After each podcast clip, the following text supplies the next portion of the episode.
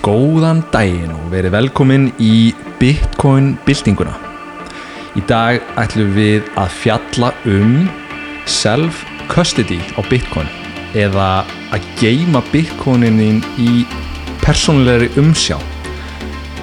Þetta er atriði sem að skiptir þó nokkuð miklu máli af því að Bitcoin er hannað á þann veg að þú þarft ekki að treysta þriði aðila þegar það kemur að því að víla og díla í Bitcoini þannig að við ætlum að fara pínluti yfir hvað þú getur gert til þess að tryggja öryggi Bitcoinana þína og það eru ímsar leiðir sem eru í bóði fyrir fólk Já, til þess að taka í raun og veru öryggi fjármála sinna í eigin hendur. Akkurát Við, fó, við komum inn á þetta í síðasta þætti með myndköpstráknum og við fórum að tala svolítið um bara svona self-custody eða svona persónleg umsjá á Bitcoin og, og hvers, hversu miklu máli það skiptir. Og mér fann svona að við geta bara tekið heilan þátt og að, sem væri bara fara í það bara svona alveg ígrundað af hverju það skiptir svona miklu máli og eins og þú sagðir, þá er þetta þú veist, þetta er eina eign í heiminum í dag sem er með 0% mót aðila áhættu. Eða svona það- líka kallað third, þú veist svona third party, third party risk eða, eða counterparty risk.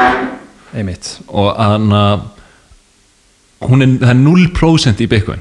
Þannig að þú veist sama þó væri með einhvern mjög örugan bara mjög örugan mótaðala og hann er bara virkilega tryggur skilur þá er samt munurinn á 0% og bara svona þú veist, mjög litlum líkum er samt gríðalegur og þess vegna skiptir þetta svo miklu máli af því að þú ert að taka í burtu bara massívan riskfaktor og bara 100% að nýta þetta þetta er fyrsta eign í heiminum sem er að bjóða upp á þetta og þetta virðist bara svolítið svona yfirþyrmandi en þetta er þetta þarf ekki að vera oflókið Þetta er náttúrulega eitthvað sem að fólk hefur ekki bara þurft að pæla í. Allavega svona almenningur hefur aldrei þurft að pæla í þannig séð af því að í okkar svona þessu hefðbundna peningakerfi sem að ræður ríkjum í dag fíat kerfinu uh, þá, þú veist, fólk Það byggir bara á það, fólk far pening og það leggur það inn inn á bankareiknin sinn. Akkurat. og það meiri að tala um þá sem að taka út peningana sína og geima undir kottanum þú veist, í einhverju skilningi að veist, það séu vittlisingar skilur að því að auðvitað geimur peningin inn á bankanum. En það sem að fólk áttar sig kannski ekki á er að já, ég veit ekki, þetta er svona maður hefur heyrt sum að tala þannig um, að þú veist, ef þú geimir peningin hjá böngunum þú veist, að þú ert í raun og veru ekki þá átt ekki peningin lengur. Þú Nei. ert í raun og veru bara með þú getur loggað inn á heimbankaðin og það stendur, þú veist, að þú sett með miljón kall inn á einhverjum bankareikningi en það sé í raun og veru bara svona IOU frá bankanum. Já, í 100% tilfell að hinga til þá hefur geta farið og tekið út þennan pening en það hafa komið upp það hafa, hafa algjörlega komið upp tilvik uh, út í heimi þar sem að fólk hefur ekki geta tekið út peningin sinn sem að er til dæmis inn á, inn á bankabókum. Já Þetta gerist nýlega í Lebanon þar sem að fólk bara gat hætti að geta tekið út pening í bönkum og að verða bara svona algjört bara svona banka bara svona closure. Og það er náttúrulega mjög íkt en við þekkjum samt eins og hérna heima þú veist, þegar koma eitthvað eins og þú veist, fjármakstekjuhöft þá sér maður bara svona hvað þú hefur í raun og veru mikið vald yfir peningunum þegar einhver annar er að gema af því að allir getur hann sagt bara hefðu þú mátt ekki hreyfa hann lengur.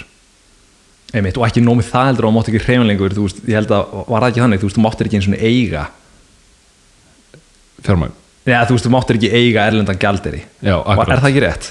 það var þannig að þú, veist, þú máttir ekki eiga eða var það bara að þú máttir ekki flytja hann úr landi ekki alveg klára ekki alveg kláraði en allavega þú máttir ekki þú veist, þú hafðir ekki full, full, full, fullan rétt á því að, stjórna einmitt stjórna þínum eigin peningum Mhm. þannig séð og já, síðan eh, kannski í Bitcoin þá er, hana, þá er frægasta dæmið um, Mt. Gox og það var svona kauphöll sem var líklegast, jú, fyrsta kauphöllin eða með, með þeim fyrstu sem myndast í kringum Bitcoin og hún var orðin bara mjög stór. Þetta var orðin stærsta kauphöllin í, í Bitcoin. Og árið 2014 þá er hún að gerist eitthvað. Hún er hökkuð eða ég veit ekki hvort sé orðið ljóst ennþá hver, hvað gerðist nákvæmlega.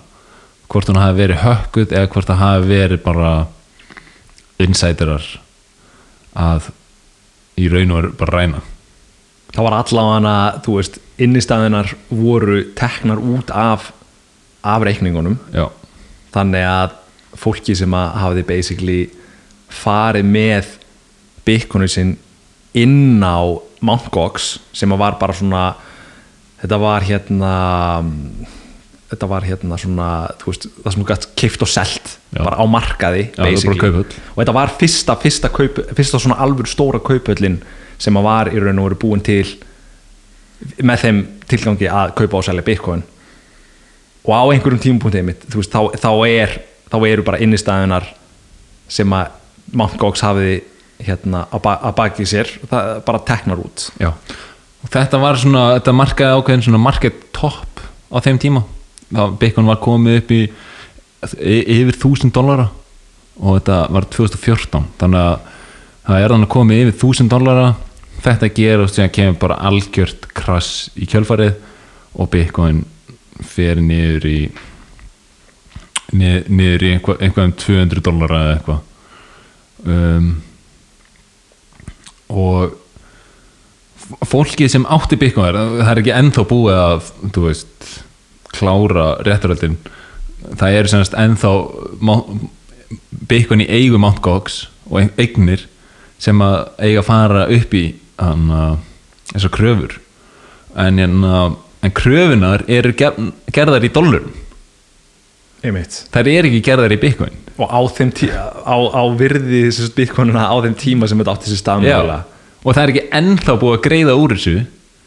Þannig þú sér það skilur þú veist þótt að verði greitt úr þessu að, og, og allt gert lögmætt og bara þú veist, allt eins og áverða og anna, þú veist þeir sem áttu inni pening hjá Já. Mt. Gox þeir fá hann endurgreitan að allavega einhverjum hluta með að við eignanar hjá Mt. Gox Mhm.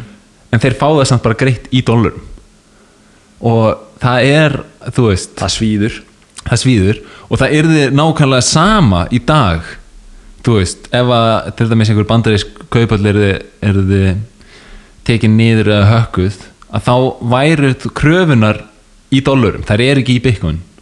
Nei, einmitt. Og þannig að þetta er svolítið mikilvæg punktur þú veist, þannig að þótt að allt færi gegnum rétti réttakerfi að þá gætir þau samt enda bara með miklu færri sats eftir allt já. heila dæmið.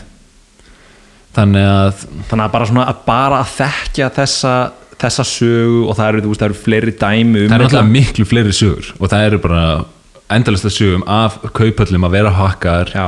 eða bara eigundunir bókstælega bara láta sér hverfa og það er, einmitt, þú veist það mætti alveg tala um sagt, svona, þetta tímabil í sögu Bitcoin sem svona ákveð svona, það vissi engin nákvæmlega hvað var að gerast og ég held að þú veist þetta var bara svona pílundi vilda vestris pæling með einhver stofnar hérna kauphöll og, og svo gerist þetta og veit engin einhvern veginn hver, hvernig ábyrðin er eða hvernig, hvernig málin er að, að hérna, leysast. Það er náttúrulega miklu líka mi- minni umgjörð í kringum þetta og miklu minni öryggis eftirlit með kóinunum og, og, og allt hannig og að vísu þú veist þá eru eins og þessu kaupallir dag miklu ör, sterkar þar að leiðandi að þú veist að því, að því leiti til að þær eru ör, halda öryggar á kannski kóinunum, já, og þú veist eru svona með miklu betra teimi kringu það en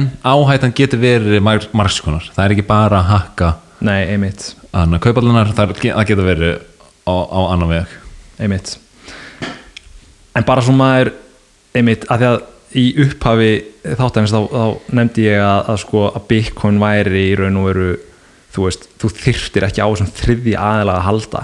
Þannig Nei, að við bara förum aftur í bara sögun á því hvernig Bitcoin verður til þú veist, Satoshi Nakamoto, hann setur Genesis blokki af stað, mænar hérna fyrsta blokkin og örgulega nokkra í kjölfarið, hann fær Bitcoin beint inn á sitt veski og svo náttúrulega myndast ákveðin hópur af einstaklingum sem að tekur þátt í Bitcoin kjærunu og þeir fá allir inn á sínveski þannig að þetta er alltaf í upphafi bara spurningum einstaklinga sem að fá bitcoinin inn á sín eigin self-custody eða já, svona Vi, við, við köllum þetta að þú veist þeir, þeir halda á prívatliklunum já, og í Bitcoin þá er það alltaf með public og private key.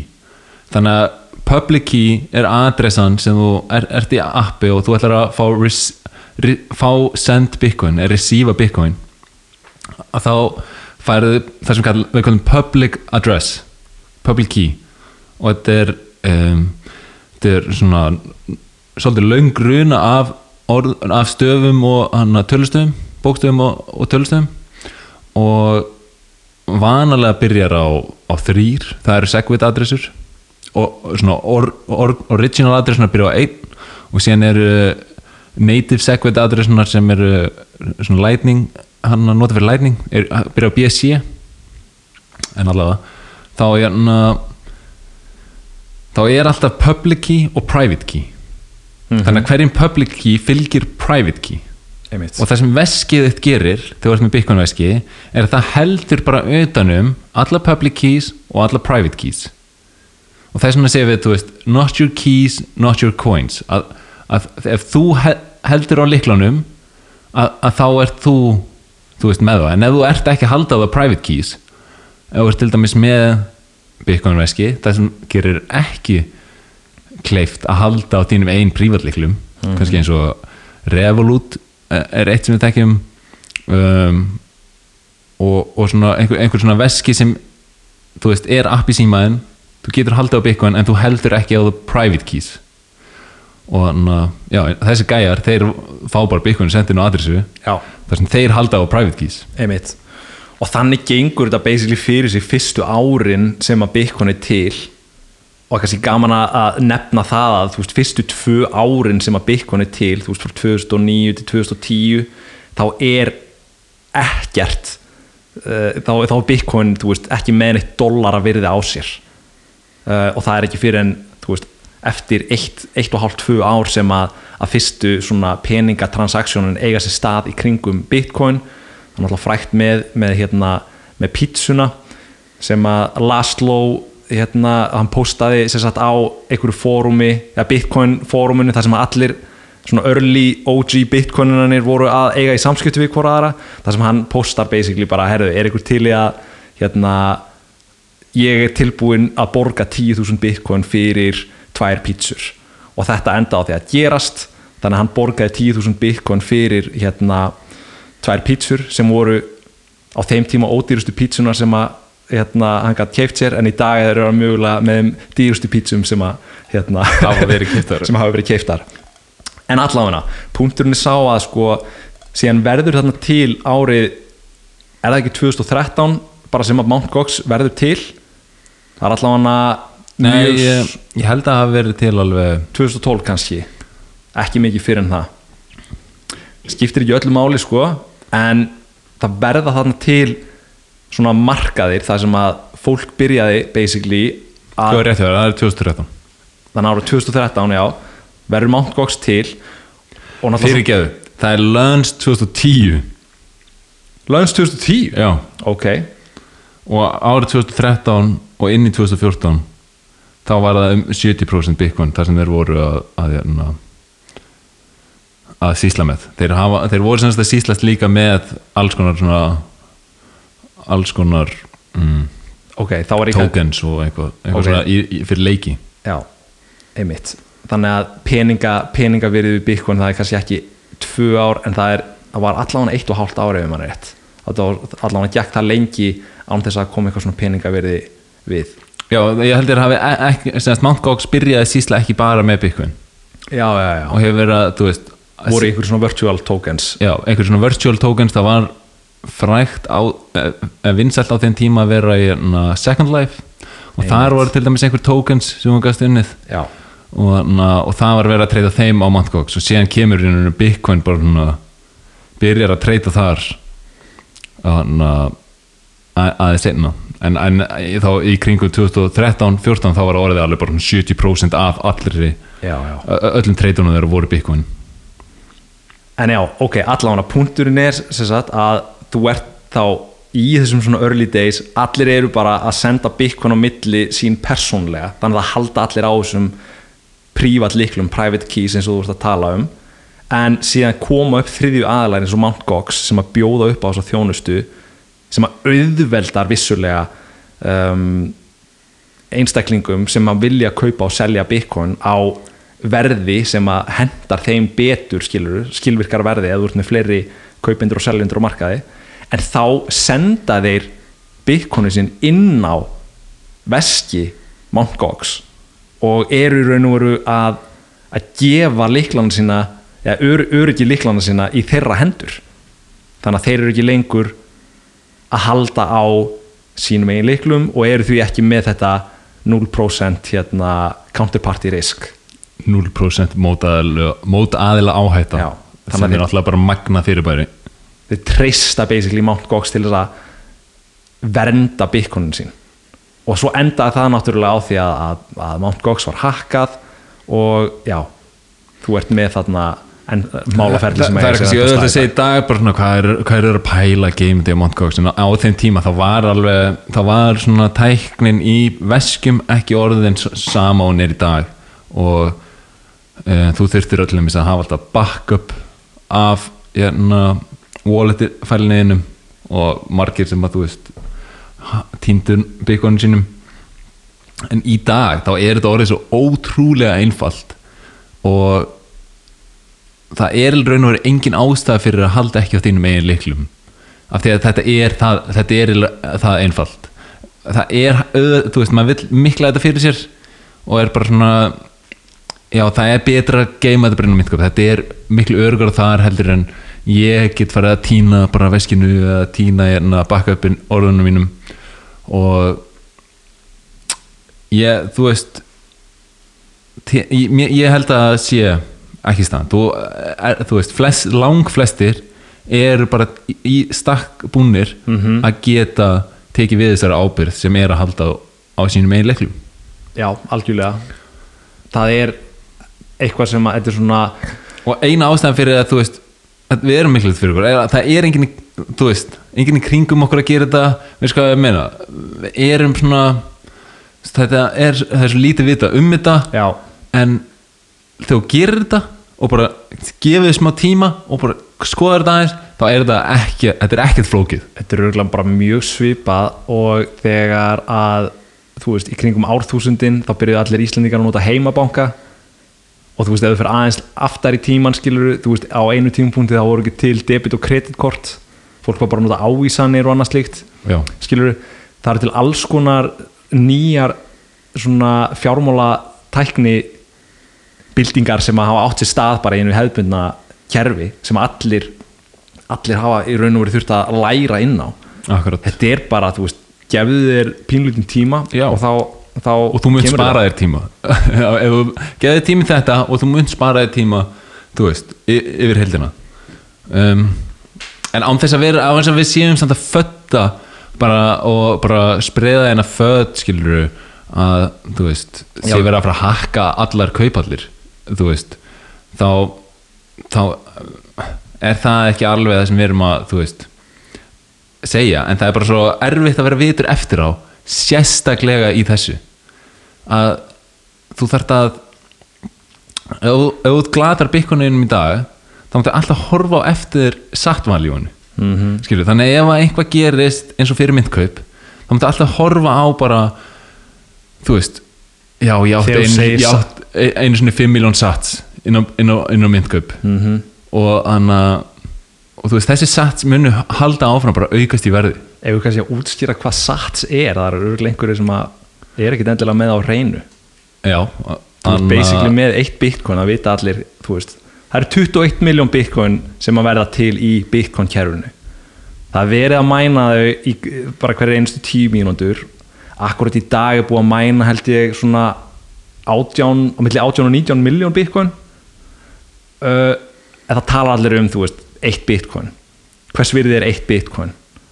En það sem að kannski ekki allir vita sem að eru kannski svona nýkomnir inn í bitcoin heiminn er að þú getur skipt bitcoin upp í 100 miljón sats eða satoshis sem að eru þetta nefnt eftir Satoshi Nakamoto sem að bjóð til kerfi þetta er minnsta einingin og þetta er standardin þú veist, maður tala sjaldan um uh, bitcoin, við erum ekki að stapla bitcoin. Við erum ekki, þú veist við erum ekki Michael Saylorar hérna, við, við erum bara, þú veist vennilegir menn sem er að stapla sats.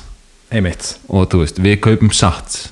Þannig að það er svona, þú veist, þegar maður er að hugsa hvað hva er bitcoin, þá er mjög næs að hugsa bara hvað kostar sats, skilur fyrir eina íslensku krónu þá fæ ég um 20 sats. Ég veit ekki nákvæmlega hvað er núna en það, þú veist, hefur verið um 20 til 30 sats.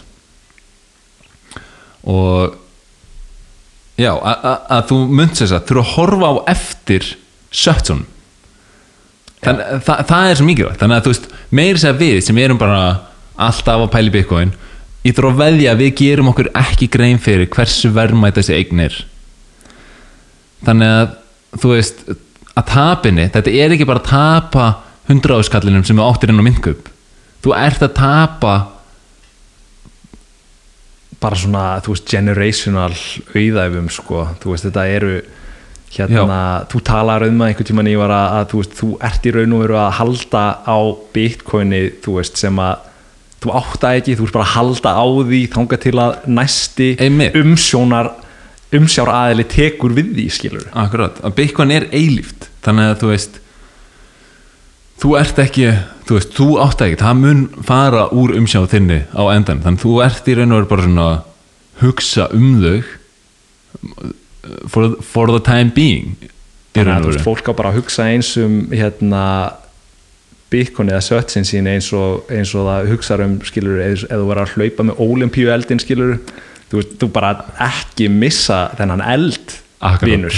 Það er bara þú bara berð ábyrð á því að halda á þessum eldi á lífi. Algjörlega. Og þetta bara skiptir öll, það er allir að horfa á þau framtíðin veldur á því hvort að þú rasar eða ekki. Þannig að já, þú veist eitt, nýtt, eitt annað dæmi en að þú veist, bara nýlegt í, í júli held ég, nei, hvernig var það? Það var hérna í júni að þá voru uh, einhver, bræður í Suður Afríku sem eru með stærst, eina stærsti kauphællina þar þeir hurfu bara. Með 3,6 miljard dollara uh, virði af bitcoin. Og wow, það er náttúrulega svakalegt. Einmitt. Og uh, þú veist þar er mjög erfitt að vera vitur eftir á veist, og það hefði ekki verið svo flókið að, að taka bara byggunum út og, og setja inn á þetta í veski. En þannig að þú veist, einmitt. Maður er svo vanur nefnilega, þú heyrir ekki svona sögur oft um hérna svona hefðbunda bankastarðsemi nei, en þetta er möguleiki með Bitcoin af því að þetta, þessi sjálfsumsjá er svo ótrúlega sterkur þáttur í kerfinu að þessi söður afrísku bræður skiluru, þeir átta sig á því að ok, við erum búin að stopna hérna eitthvað fyrirtæki sem er með einhvern Bitcoin markað. Við erum með fullt af Bitcoinum hérna inn á hjá okkur og við getum bara ef, ef við bara láta okkur hverfa. Veist, þetta er eitthvað sem er gríðarlega óskinsanlegt af þessum suður afrísku bræðurum verðum við að benda á að því að Bitcoin er veist, það er ekki, það er svona hálf transparent og það er alveg dæmið það að, að leini þjónustur hafa náða að finna uppi einstaklinga sem að eru að í ykkur svona vafasumum bransa með Bitcoin? Þú ert að vera ansi klókur til að fela, fela your trace. Þú ert að vera ansi klókur til að lá- láta ekki komast upp við þig. þetta var, það var það er alveg hægt. það var svona mjög sterkur svona född punktur hjá gaggrinnis aðalum á Bitcoin að þú veist þetta væri svo mikið notað í ólöglega starfsemi. Það var hér áður fyrir en samt finnst mann, finnst mann eins og þetta sé að koma rosalega mikið upp, upp núna aftur en þetta er veist, þessi suður afrísku bræður eftir að vera bara, veist, á hlaupum þá til þeir finnast held ég, sko. Veist, þetta er ekki Já. þetta, er, á eftir að vera mjög erfitt fyrir þá, sko. En ég held persónulega, þú veist, ég treysti gæjunum með myndköp, það er mínu menn, skilur ég, ég, trey, ég treysti þeim 100% fyrir að fara ekki á hlaup með, með Bitcoin okkar landsmanna. Já, guð, veist, Þetta skiptir ekki Þetta máli. snýst e- samt- þetta, er, þetta er bara hérna, þú veist þú átt að treysta sjálfum þér settu öndunagrímun á þig fyrst skilur ef þú þarft ekki að treysta þá auðvitað að tryggjur það bara frekar. Ef þú þarft ekki að treysta þeim og getur bara tryggt þetta þá auðvitað kýstu það. Já, ef þú getur kosið 0% mótaðila áhættu að þá kýstu hana í staðin fyrir smá mótaðila áhættu en það er minna vesen að þú getur bara gent þetta með rafrænum skilrikum inn á einmitt. En áhættan við myndkaup liggur ekki í því að þeir séu tryggir okkur og, og hlaupa ekki á brott eins og afrísku bræðurir það liggur í því að hvar geima þeir byggunin einmitt, þeir eru með sagt, þeir, þarna, já, það kom náttúrulega fram bara í síðasta þætti. Þeir eru með sagt, hjá, hjá Coinbase. Akkurat. Þannig að og Coinbase er einn stærsta kaupöllin í bandaríkunum og, og svona frekar well regulated. Já, en það er samt staðin í dag að þetta cryptocurrency space um, sem þú veist þóli ekki orðið krypto en, en, en þetta space er enna, er svolítið eins og vilt að vestri í dag. Ég meina þú veist þetta er ekki nefn að tíu max svona tíu ára gamalt fyrirbreyði skilur þú veist að Bitcoin kom út 2009 fyrir það voru bara svona eh, myndir sem er alltaf hægt að tala um en, en síðan þegar þið komið þú veist, þetta er bara fæðast og, og svona regulators og svona þeir í, í, kringum þetta þeir eru bara nýbyrjar að þú veist, sjá í fókus og eru nýbyrjar að sjá hvað þetta er sem þeir eru að díla við -hmm. og þú veist áhættan er að bandaríkinn til dæmis gæti allt í einu komið með miklu harðari anna, Reglugerðir. reglugerðir í kringum þetta. Og ein af þeim geti verið að þeir átti sig á að mikið af þessum cryptocurrencies eru bara það sem, það sem við kallum securities. Og eru raun og eru bara bara í raun og veru, þú veist bara svona, oft bara svona pump and dump schemes skilur já, en þetta er, þetta er meira eins og þú veist, þetta er ekki eins og peningur þetta er meira eins og bara fyrirtæki skilur Já. sem er að fjármagna sig með að gefa út þessa mynd einmitt. Þannig að, þannig að þetta- myndin er alltaf farin að virka meira eins og bara venilegt hlutabrif já, og, og ætti þar leðend að vera þú veist, reg, regulatið þannig. Einmitt en það sem þeir gerast er að, að þú veist, mikið af þessu eru þá bara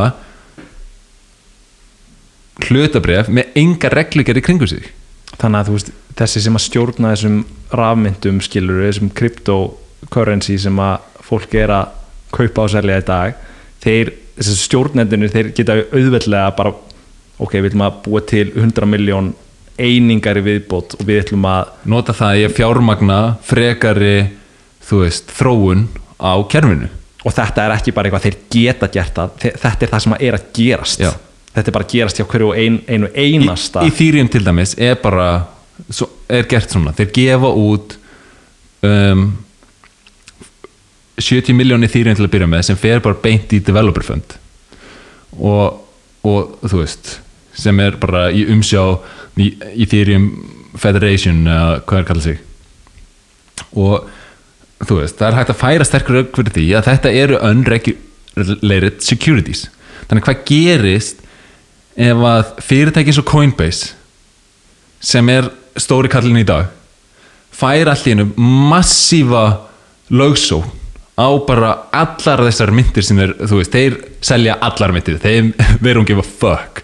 Þeir selja þér bara hvað sem er. -hmm. og hvað ef þeir fengi bara massífa lögsó á það á sama tíma og fyrirtæki eins og Strike eru bara að obliterata þeim á fees. Þannig að Strike voru nýfilega tilkynna að þeir munu geta bóðið upp á ná, nálægt 0% fees fyrir það að kaupa bitcoin. Og sem er náttúrulega miklu lægra en þessi 3% sem að eða hátt í 3% sem að Coinbase rukar. Um, já, maður bara svona spáir í þú veist, hversu vel nær fyrirtæki eins og Coinbase að halda sér á floti við, við þannig storm. Og kannski bara vel, en þú veist, það eru samt alveg, þú veist, líkur á að þeir höndliða ekki og geti farið á hausinn. Og ef það gerist að þá byrja bara þú veist, þá eru, þá eru bitcoinin föst þar, meðan svo lögsókn fyrir gegn. Og það geti tekið mörg ár fyrir einhver svona sérstaklega á þessari stærðagráðu að fara í gegn. Og þegar einu sem þú átti er bara krafa í dollurum einmitt. og bitcoin er að, er, að rjúka upp í verði að þá ertu bara þú veist það er ekki góð stað að vera í. Nei, og bara svo að segja algjörlega á hreinu, ég veit að við vorum að benda á þann en þú veist, við erum ekki að segja að veist, þetta er ekki, við erum ekki að segja að þetta sé að fara að gerast en við erum að segja að þetta er ekki ólíkleg vegferð sem við gætum farið í. It's in the realm of possibilities. Já. og það er eina sem þú þarfst að vita. Er að það er mótaðilega áheitaðina sem er, þú veist, stærri en hún sýnist. Og sama hvað er reynd að segja okkur bara, þú þarft ekki að ágræða þetta er reisstort fyrirtæki, þetta er ekki leitað í bandaríkjunum þú veist, að þá er það bara hei, ég þú veist, þú átt samt ekki að þurfa að treysta því skilur, Nei. og sérstaklega þú þarft þess ekki.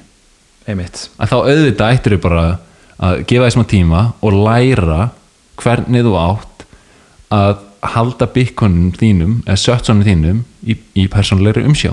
Einmitt.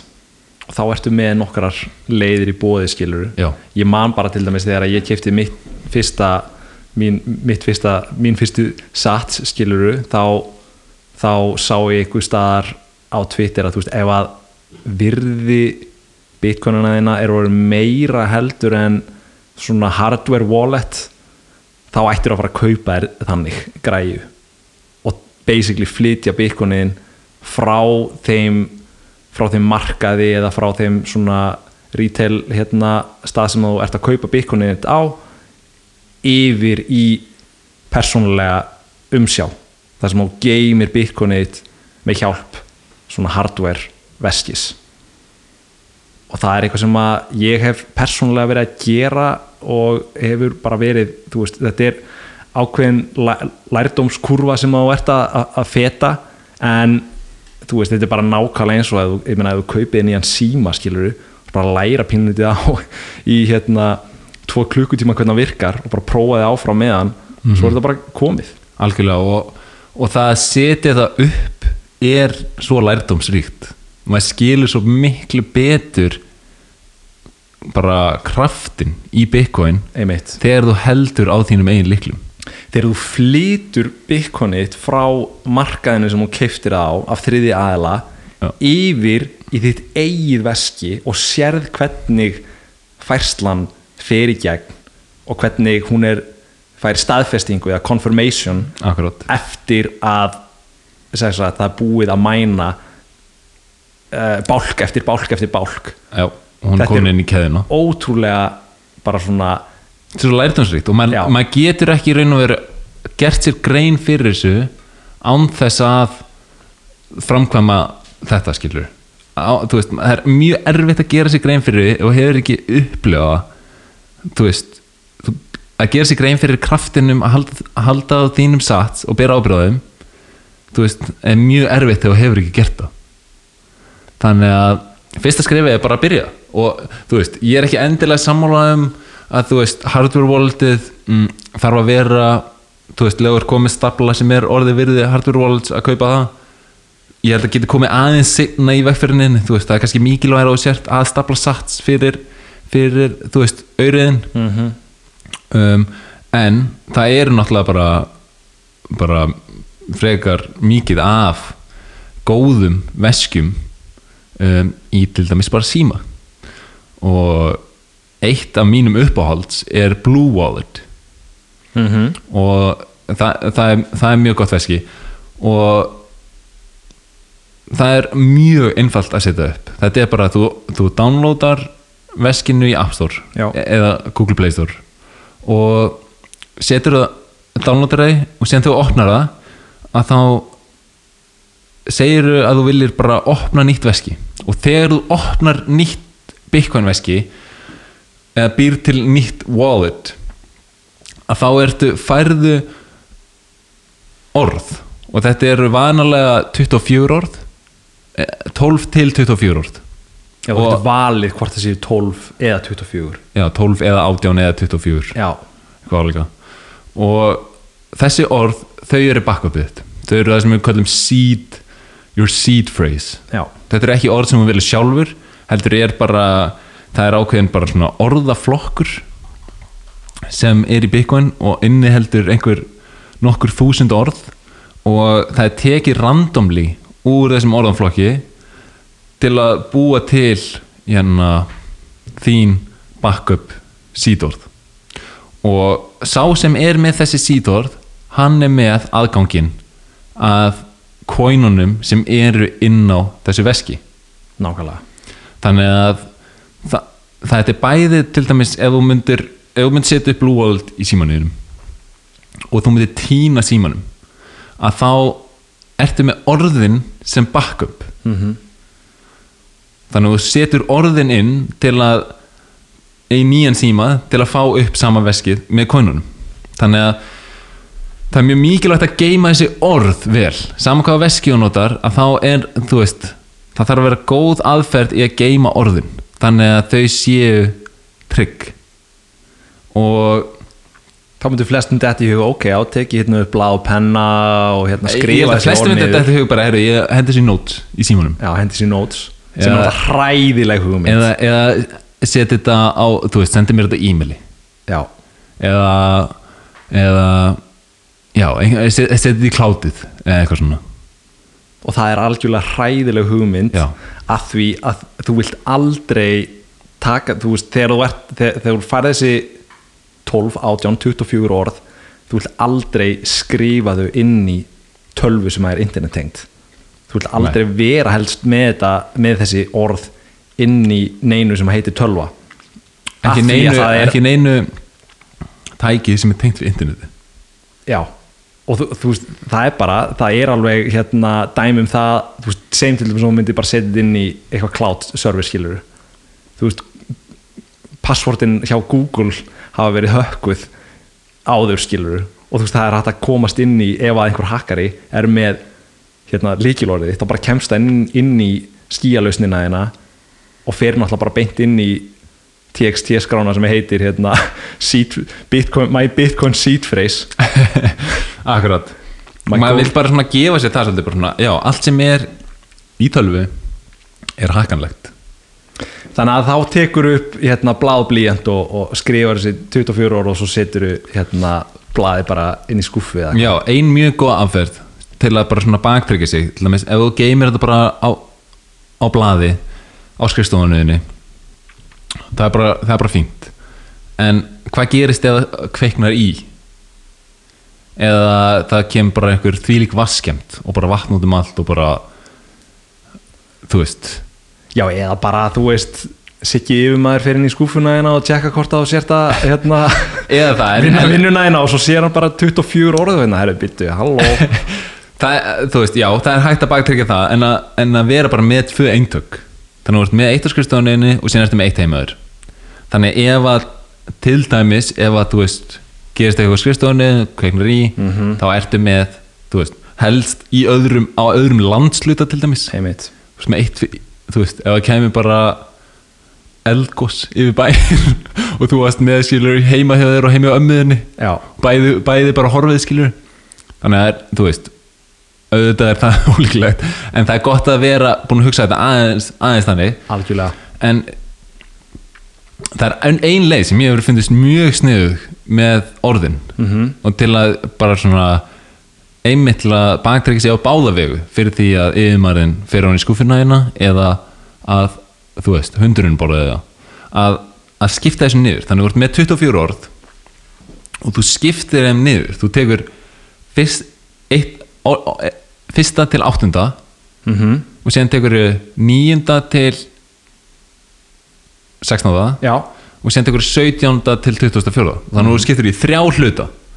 Ok, já, síðan tekur hluta 1 og hluta 2 og geymir það heimjáður síðan tekur hluta 2 og hluta 3 og geymir heimjáð ömmuðinni í öðrum landsluta einmitt. Og síðan tekur hluta 1 og hluta 3 og geymir það á þriðja staðnum þannig að engin einn staður er að fara að einmitt að vera hérna að kompromæsa að kompromæsa þig en, en ef að einn staður myndi eðileggjast að þá getur þú nota hina tvo í að púsla saman 24 mórðum þetta er doldið briljant sko. Þetta er svolítið briljant leið til að bara svona þú veist, auðveldlega uh, baktrekja sig. Og algjörlega það sem þú vilt gera í þessu. Og þetta er náttúrulega bara, þú veist, þetta er alveg bara svona þú veist, ég er að hugsa þetta og þetta er alveg svona, ó, þetta er alveg þetta er alveg svona smá project sko, ég þarf að ringi ömmu og svo byrju hvar á ég að vera með þetta á þriðja staðunum en þú veist, ef maður pælir í því það sem þú varst að segja á þann með að þú veist, maður er að, að hérna geima bitcoinin sín, þú veist, í lengri tíma og við vitum ekki hvers virði þetta mun vera í framtíðinni þú veist, þá er algjörlega málið að hafa vaðið fyrir neðan sig og, og, og fara í svona svona air quotes, hérna, drastískar aðgerðir. Já, algjörlega. Ég myndi segja að þessar aðgerð væri ekkit svo dra- drastískar af því að þú, þú vilt geima orðin en þú vilt ekki að sá sem getur einhver bara stumblað ofan á orðin og verið þá komið með einmitt, þú vilt það alls ekki. Þannig það, leiður komið með þetta svona að þá þarf að fara á tvo staði til að ná þeim. Já, þannig segjum sem svo að væri með þú væri búin að koma byggunum fyrir járnplötu. Og það er hægt að fá svona kúl járnplötur sem, er, sem þú getur svona stampað niður á. Algjörlega. Ok, og geymið það heimið þér og síðan ertu bara rændur þú veist, það kemur ykkur bara óbrútin aðeil og bara rænir heimilið og meðal annars járnplötunar hann gæti bara verið komið með aðgangin á orðanum og þá er þetta bara game over. Þá er þetta bara game over. En leiður búin að brjóta þetta svona niður að þá er það ekki lengur áhætta? Nei, um, nú nei erum þetta er við hansi góð, góð aðferð sko, það er ekki spurning. Nú erum við ekki eins og farnir að tala um multisig um, sem svona við, þyrftum, kann- við endum kannski meira á. Um, eins, og, ég- eins og ég var að nefna þá er hægt að setja á járnplötur. Mhm. og það er líka mjög gott að vera það sem þú veist að þessi eldvarið já, og vatsvarið Mhm. að þá að setja það á járnplötur. Og það er aðferð sem er svona DIY aðferð. Do it yourself. Do it yourself um, sem heitir Safu Ninja. Ok, og þetta er bara síða sem þú ferði inn á bara S-A-F-U punktur ninja. Og það er bara svona aðferð þar sem þú kaupir uh, riðfrí uh, svona skrúur og skífur úr riðfríði stáli já, og síðan notar síðan þarf þetta að vísa að kaupa á Amazon svona sett af, af stöfum úr, úr stáli já. og þú svona hamrar stöfunum niður á skífunar já, mitt, þetta er Og- ljónhart. Já, þetta er alveg þessi aðferð er svolítið jæna, tímafreg já, hún er tímafrek. Og ég hef alveg bent nokkrum á hana og þú veist hún er tímafrek og hún er, þú þarft að vera hana bara hamra, en þetta er svolítið cool hvernig svona cyberspace meets physical space. Algjörlega. Að þú ert að þú veist tryggja cyberspace eignina hennar með að hamra orðum niður á stálplötu. Þetta er proof of work. Þetta er, en þetta er super cool. Og, og ef þú kaupir nákvæmlega skrúuna sem eru mælt með inn á, inn á Safu Ninja safu.ninja að þá er þetta alveg bara svona, þetta, er svona flikki sem þú heldur á í höndunum alveg bara svona vel þungt stál, bara riðfritt stál flikki sem að sem þú ert með. Mm. það er líka hægt að kaupa svona eins og ég sagði plötur og, og svona center punch já, og þá ertu bara með plötur og þú svona skráir orðið niður um, og þa þarna ertu auðvitað bara að vernda það þú veist, ef það myndi kveikna í húsinu þínu, ef það myndi koma flóð skiluru, já, þetta er basically eitthvað sem að mun lífa af flestar ef ekki allar svona hamfarir nema það myndi bara eldgós koma þú veist og, og fara yfir það en þú getur ennþá ég fundið það. Og, og lesi ef, þú- kemur eldgós og myndir finna það þá er það í heilu lagi skilur, þú getur ennþá lesið það ef þú finnur það, finnur það en þú finnur það líka já, já, ég gæti verið búið að brána en Ertu viss? Ég sé það bara svona hefur þetta hefur sé bara svona Já. standandi út úr svona út úr hérna ekki eldgósi Nei. en J Jameson Loop Já. sem er svona frægur byggunar hann tók fyrir uh, svona helstu þú veist það er til alls konar fyrirtæki sem bjóða upp á lausnir í að geima orðin já, og hann tók þau fyrir og, og fór svona bara að reyna bara að rústa þessu skilur bara með hamri og, og með torch. Og torchaði basically be, bæði Safu Ninja eða ferna held ég og líka bara svona plötu. Um, þessar plötur fást hjá CoinKite sem er uppáhaldsfyrirtæki mitt í, hana, í, í þessum lausnum. Um, og þú veist gerðir það alveg rauðar loðandi skilur mm og gæt samt lesið 100% áður. já, já, áður eftir á. Já þetta er mjög cool. Ég sá einmitt þessar, þessar hérna uh, þessar tilraunir hans. Já, það er mjög, er- mjög gaman að lesa gegnum það og, og sumar aðferðina sem eru náttúrulega bara brandari. Já, það eru aðferði það sem þú fyllir inn svona einn og einn staf á svona járngæjum já, inn í, inn í eitthvað svona inn í eitthvað svona svona sem er ákveðið þykkt og þú getur fyllt inn orð eftir orð. Einmitt. En, en síðan ef að einhvað bilar eða eitthvað og, og þau detta út Mhm. -hmm. að þá allt í hennu er bara stafinir út um allt og þú veist ekkert hvað stóð já, þannig þú veist, þú vil já, svona ná að horfa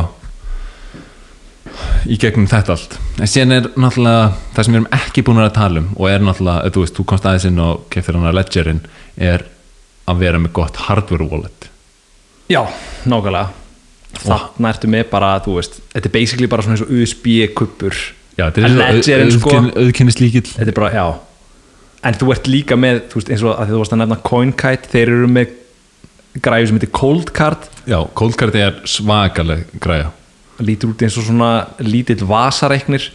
Já, og þú veist, þannig að þeir líta allir svona mismunandi út en þeir eiga allir sameinlegt að þeir tengjast basically með bara svona USB tengi já, inn í tölvu eða símaðinn og þú geymir ekki bitcoinin inn á þessum fysíska hlut sem að hardware veskið þitt er Nei. en hann virkar basically eins og svona um, já, hvern, hvernig er þetta að orða það hann virkar bara svona eins og svona aðgangslíkill að því að geta hreift við bitcoininum Já, það sem að þessi veski gerir nú er bara að þau geta þau geta generata walletið og, bú, og gefið þér 24 stafa orð. Já, og þetta wallet get, er kleift að búið til public og private keys. Einmitt. En ástæðan fyrir þú vilt gera inn á einhverju svona physical device og ekki bara í einhverju appi í tölvuninni er að þá er að, er að þú veist þá eru private líklanir your private keys eru inn á þessu physical veski. Og, og veskið eins og cold card getur verið sett hann upp að það er aldrei tengt við tölvu. Nei, einmitt. Þú getur, ge- þú getur hérna búið til uh, uh, public keyið án þess að tengja nú töluna já, og svo getur þú tengt hann eftir, eftir á en þú bara ferð með adressuna Nei, býtu, býtu, þú gerir þetta þannig þú tengir, þú ert með basically svona lítinn USB hérna kart inn í micro SD kart micro SD kart inn í þessum fysiska hlut sem lítur út eins og, eins og vasareiknir. Já, þú generatar public key svo tekuru hérna micro SD kartið úr græjunni stingur inn í töluna þeina og þannig getur hérna gert færsluna. Já, en, en að prívatliklaniðinni sjálfur þeir fara til dæmis aldrei inn á micro SD-korti og eina sem að micro SD-korti er það tekur bara wallet-fæliðin og segir bara og, og þannig að þú getur tekið wallet-fæliðin frá koldkartinu og sett hann inn á tölunæðina og þannig að þegar þú er komið hann þannig veist, það sem ég verið að gera mörgum er ég verið að para saman cold card við Blue Wallet þannig að Blue Wallet er þetta app í símanin sem er mjög einfalt og allir ættu bara ef þú átt ekki Bitcoin veski þá er mæli 100% með að setja upp Blue Wallet í símaninum um, þú getur nota Blue Wallet bara með símanum og látið það generate 12 volt en þú getur líka tengt cold cardið þitt við. Og það er svo cool af því að þegar þú ert búin að koma wallet fælninum með micro SD kort og þarf að vera með micro SD kort fyrir símaðinn þannig að símaðinn getur lesið micro SD kort mm. en þú getur komið wallet fælninum inn inn í það að þá getur allt í hennu receivað millifæslur og þú getur generate public keys og, og fengi send bitcoin mm -hmm. það sem þú getur ekki gert er að senda þau út nei þannig að þegar þú vilt senda út þá segir þú, ok, ég vil senda hérna millifæslu út mm -hmm. og þú tekur þá beðni setur hann á micro SD-kortið tekur micro SD-kortið setur inn í kóldkartið og segir kóldkartið, herru, þú mátt sæna þessa millifæslu með, með prívatlíklunum kóldkartið sænar þú setur aftur inn í, inn í símaðinn og segir bara þú mátt brotkasta þessari millifæslu, það er búið að sæna hana og allt er eins og á að vera. Já.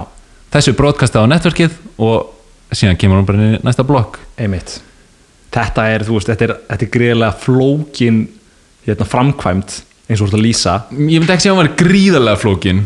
Hún er pínlítið okay, hún er pínlítið flókin en þegar þú er komið þetta sett upp Já. að þá ertu með einstaklega einfalt veski sem er ótrúlega örugt sem er ótrúlega örugt þú færði ekki meiri öryggi en, en í gegnum svona. Þannig að þú veist, einmitt, ef þú ert með þú ert ekki að fara að gera svona þegar þú ert að fara að kaupa þér hérna kaffibotla. Vonandi er þetta ekki að fara að kaupa kaffibotla með bitcoin það sem ég vonast er að, að þú veist, núna eru bara svona, þeir sem eru kannski svona áhuga samar um bitcoin um, og, og gerir sér svolítið grein fyrir það að þeir væri það sem við kallum Uncle Jim. Og Uncle Jim er bara, þú veist, gæin í fjölskyldinu sem er í bitcoin, skilur og hann er bara veit allt um bitcoin og hann, þú veist, keiri sína einóðu og hann, þú veist heldur sínu liklum og eitthvað og Uncle Jim, hann getur bara not, þú veist, lánaðir sitt kólkart og hjálpaðir að setja upp Blue Wallet, skilur og, og og þú veist, síðan þarf þú kólkart ekkert aftur fyrir að þú ætlar að selja bitcoinin sem er náttúrulega bara aldrei. Já, já, og þannig þú ert með þannig örug og, og einfalt að nota með Blue Wallet. Og veist, þetta er mjög cool lausn upp á þetta. Og sérstaklega þú ert búin að kaupa það þurfi ekki allir að eiga hardware wallet. Það er líka einn punktur þú veist, Uncle Jim er bara að eiga það. Og sem mun hann hjálpa öllum í fjölskyldun að nota þetta tæki til þess að búa til veski fyrir alla. Veski sem eru síðan auðveld að nota. Ertu þá ekki komið með counterparty risk þarna? Jú, en he's your uncle. Jú, þú ert það. En þú veist Ég skil hvað meinar, þetta er bara svona einmitt. En Uncle margar... Jim, hann getur líka kentir það og þú veist það ég hef verið að gera eins og við fjölskyldun á mér er að ég hef verið að bara svona hei, hérna er coldcard það er bara ekkert inn á því, skilur hérna er micro SD kort og hérna er til að tengja iPhone-in mm -hmm. og, og hérna og síðan gera þeir bara síðan er bara YouTube tutorial Já. þú veist, þú skrifa bara coldcard blue world á YouTube Já. bara nákvæmt hvernig á að gera þetta og hérna og þeir gera þetta, síðan eigða þeir bara öllu út af og skila því aftur einmitt Já, þetta, þetta er mjög áhugavert. Ég ætla að ég sé alveg pottet að fara að verða Uncle Jim í mínu, mínu fjölskyldu sko. já, já, það er þú veist við þurfum fleiri, við þurfum fleiri Uncle Jims að núti sem eru bara búin að dedikata sig og búin að, þú veist, það tekur auðvitað smá tíma að kynna sér þetta allt. En þegar þú ert búin að gera það þá er þetta frekar frekar auðveld og síðan er náttúrulega bara svona nokkuð nokku, svona sem maður ætti að huga að eins og að þú veist það sem ég gerir alltaf er að þú generator 24 orð þú kemur þeim fyrir á járnplötunni eða -hmm. pappirinu sem þú ætlar að nota til að kemja það Já. síðan millifærir eru litla upphætt inn á veskið mm -hmm. bara einhverju nokkra, nokkra sats bara einhverju litla upphætt og síðan eigður öllu út og setur það aftur upp með orðunum sem þú notaður sem backup Nákvæmlega Ef að upphæðin er ennþá til staðar að þá ertu safe. Þá ertu búinn, þá skrifaður upp rétt 24 orð sem Já. að tækið eða veskið gaf þér. Já, og þá getur verið viss um að þú getur sett stærri millifærslu nummer tvö. Já, að því að ef þú myndir, þú veist, þú ert að generata nýtt veski 24 orð koma og þú skrifar óvart, þú veist, table í staðin fyrir toffee eða eitthvað svona þá ertu bara í vondum málum að því þú ert svona að skrifa vittlust orð, þá ertu ekki að fá upp einmitt, upp hérna prívat kýin á veskinuðinu sko. akkurat. En já, það er ótrúlega, ótrúlega Og áhugavert. en síðan er náttúrulega, þú veist það er mörg góð veski og þannig að það sem ég langaði að gera var að við munum líklegast árun þátturinn erar að setja upp svona gott how to inn á telegram-grúpinu okkar. Um, já, bara svona pínlítið svona tutorial í hvernig á að já, byrja í hvernig á að byrja og, og kannski hvað, best, hvað veski eru best að nota. Já, og hvað hardware wallet er, er best að kaupa. Mhm. Um, eins og Ledger sem að ég veit að við báðir kiptum fyrstu vorum að byrja í þessu. Já, það hefur reynst mjög ótraust fyrirtæki. Og, og þú veist, það skiptir mála að velja vel. Um, til dæmis cold card, ég fíla það mjög mikið það er náttúrulega bara bitcoin og þannig að þeir fókusa, það er svo gott að hafa fyrirtæki sem fókusar bara á bitcoin að því að þeir geta gefið svo miklu betri þjónustu fyrir þá vöru. Ef þú ert með annað fyrirtæki sem er að hugsa um bitcoin, ethereum, dogecoin, shiba inu já. þú veist, what, what have you skilur að þá er þeir ekki að ná að setja jafn mikið fókus á að verja verðmættastu eign mannkynsugunar og, klálega og, og, og líka bara að og, og, og maður sér það eins og cold card. Þú veist, það sem gerðist hjá Ledger var að databaseið þeirra var hackað. Þannig að þú veist, þú veist Ledgerin var ekkert hackaður og þú, þú veist deviceið sjálft var ekki compromised en fyrirtæki var það og gagnagrunnurinn þeirra, þannig að það sem gerðist var var að þegar þú ert komið með nafn og heimilisfang og e-mail hjá allir þessu fólki að þá getur þú byrjað að gera alls konar öðru sér árásir og það sem gerist var að fólk fekk til dæmis tölvupost bara hei hérna deviceið er þú veist ekki lægi og við þurfum að hana, græði þetta eins og þú þarft bara að láta okkur fá hérna 24 orðiðin og hérna og svo fólk, einmitt, þú sendir þetta á einhver tíðust manns og svo er einhverju Já. tveir sem að falla fyrir þessu falla fyrir þessu. Og þá ertu allt í einu komum bara með tvo einstaklingar sem að töpu öllu bitcoin eða, og, eða meira svona þú veist háþróaðari að- aðgerðir þar sem að til dæmis fake ledger var sendur á heimilið hei, afsakaðu dæmið okkar við geðum miðstök hérna er nýja deviceið ekki gallað. Notaðu það og þú veist, Ledger er ekkert að senda hennar post en það eru bara einhver óprútnir aðilar sem senda hennar post og síðan setur þú orðin inn á deviceið, búm, og byggunin er horfin maður þarf bara pínlítið að, vera skinsamur í hvernig maður bara eins og maður gerir með allt basically skilur maður þarf bara þú veist, ef maður fær einhvern svona e-mail frá, maður er ekkert að opna ekki gefa neinum. Ef einhver byrður um sítorðin ekki gefa neinu Nei. þá enginn að sjá sítorðin nema þú. Og það er bara það er bara staðan. Og það er bara eins og við erum búin að tala um skilur í þessum þætti að með bitcoin þá er allt í einu upplýsingar or- orðnar af peningi. Og upplýsingarna sem að eru í þessum 24 orðum eru basically peningarniðinir já, 24 orðin þetta seed phrase, það er basically líkillin að bitcoinunum já. Sem gerir það náttúrulega aðeins og öflur tækna því að þú getur tekið 24 orð bara munaður og náttúrulega og náttúrulega ert bara, þú veist, ekki bundin leilum landamæri með neitt þannig sem er alveg, alveg magna en síðasti punktur til að, kannski til að koma inn á í, og svona er náttúrulega fyrir lengri komna það er kannski tvent sem við höfum eftir að fara yfir sem er svona kannski aðeins svona ég myndi segja fyrir 99% af fólki þá er ekkert mál að setja upp veski Wallet í iPhone eða Play Store uh, Moon Wallet er líka gott M-U-U-N um, og þeir eru með seamless integration milli Lightning og jæna, Lightning og Core. En að því frásýl þá, þú veist, að, að setja upp þessi wallet þetta er mjög einfalt. Mm -hmm. og aðalmáli er að tryggja 12 orðin. Síðan þú vilt vera ennþá örugari og kannski með stóra fjárhæð þá viltu vera með hardware wallet e- eða einhvað svona fysiskt svona fysiska apparat sem er notað í að geima líklana þína. En en eitt sem við verðum að tala um og það er multisig. Og það er sérstaklega því að Bitcoin er eina eignin í heiminum sem er með innbyggt multisig. Og það þýr multisig stendur fyrir multiple signatures. Þannig að eins og við tala um hann að þú þart prívat líklana þina til að gefa signaturið á millifæsluna svo getur broadcastaðinni að þá er multisig í raun og veru bara að þú þart margar, þú þart nokkrar signatures fyrir millifæsluna að fara út. Og þetta, þú getur ráðið, þú getur verið með multisig sem er tveir af tveimur. Þú ert tvær af tveimur, eða þú þart þrjár af þreimur, eða þú þart þrjár af fimm.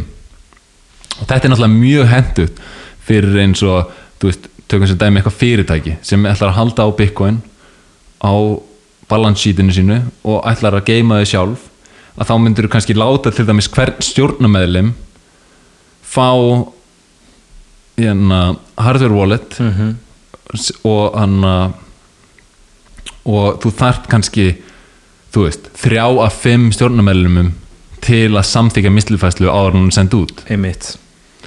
Um, en þetta náttúrulega þú veist, minkar þvílíkt áhættuna þína ef þú- þú vilt gera þetta fyrir því sjálfan að vera til dæmis með þú veist, fleiri en eitt hardware device, af því að þú veist, þú vill náttúrulega ekki legur komið með eitt hardware device þá þarftu samt að treysta hardware device framleiðandanum.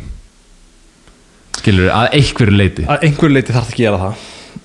Ef að, já ég meina ef að, ef að það myndi eitthvað koma upp á hjá hardware device framleiðandarum og þú allt í einu getur ekki nota lengur veskið þitt einhver hluta vegna uh, þá ættir að vera búin að geima þessi 12, 18 eða 24 orð já, og þá kemstu í það bara með því að setja þau upp í öðru þá getur þú þessuna bara sett upp software blue wallet akkurat. og sett orðin þangaðinn og þá ertu komið aðgangin aftur. Já.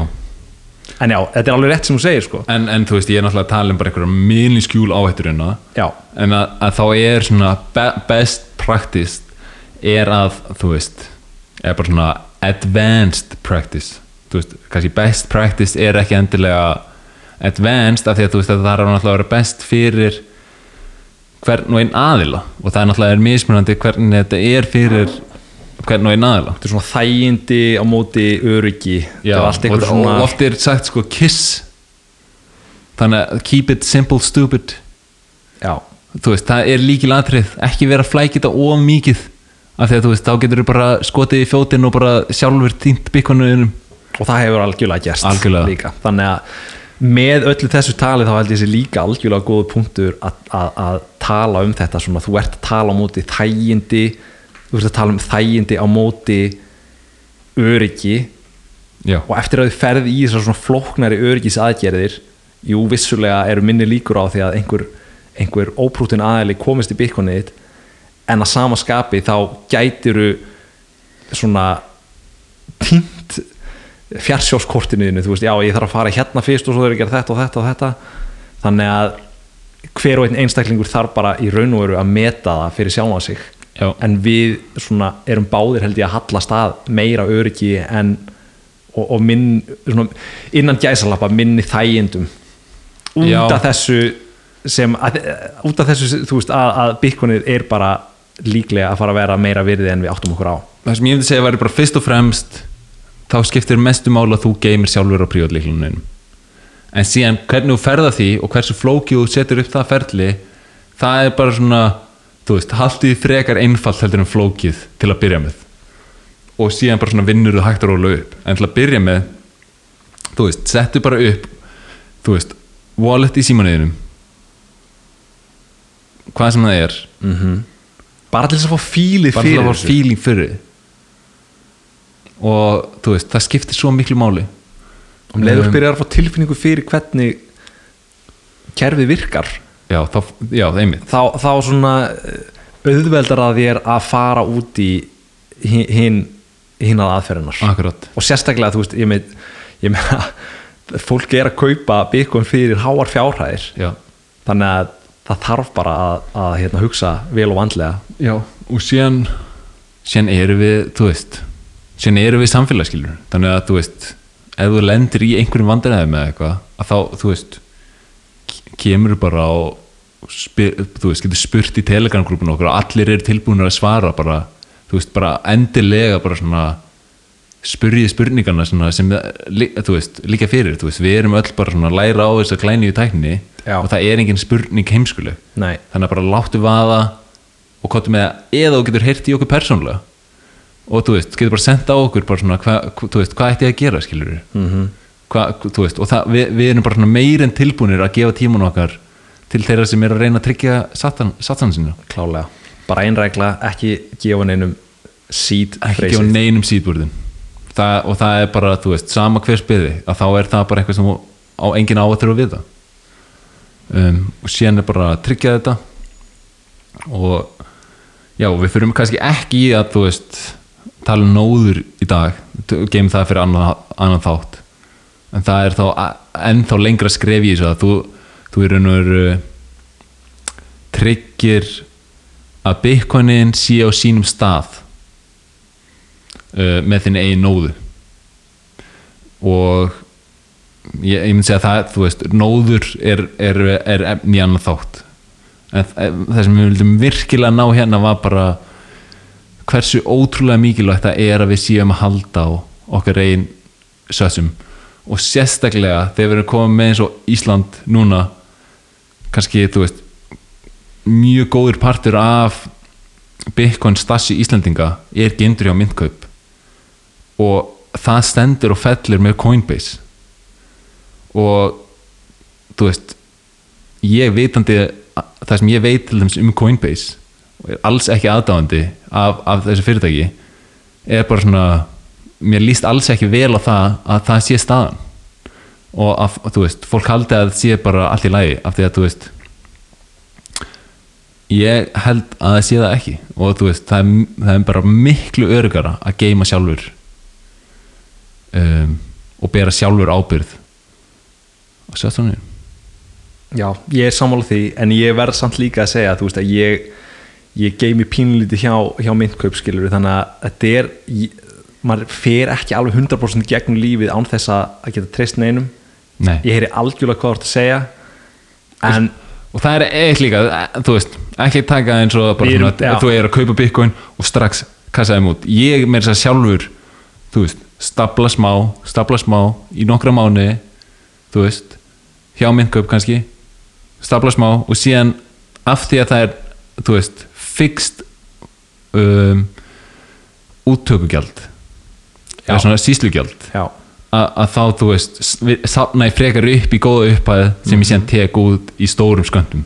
Einmitt. Bara til að minka fís Mhm. og ég enna mæli bara algjörlega með því. En, en þau voru komið með bara eins og að, vera að geima bróðu parturinn að staflaninum hjá myndköp þá er það árið svona ekki sniðugt og þú ættir virkilega að fara að skoða aðra lausnir af því þetta er 0% móta aðla á þetta hversu klikkað?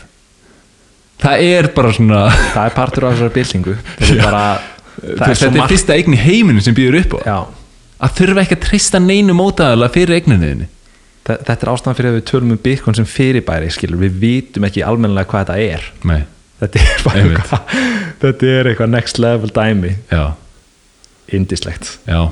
Erum við ekki bara góðir þá akkurat núna? Jú, ég held að ég held að þetta skilbónum sé komið. Við höfum bara að þakka fólkinu fyrir sem að er ennþá að hlusta á okkur. Þetta er búið að vera um, um klukkutíma spjallum um hérna self-custody. Við sjáum ykkur á Telegram. Sjáum okkur á Telegram. Verið sæl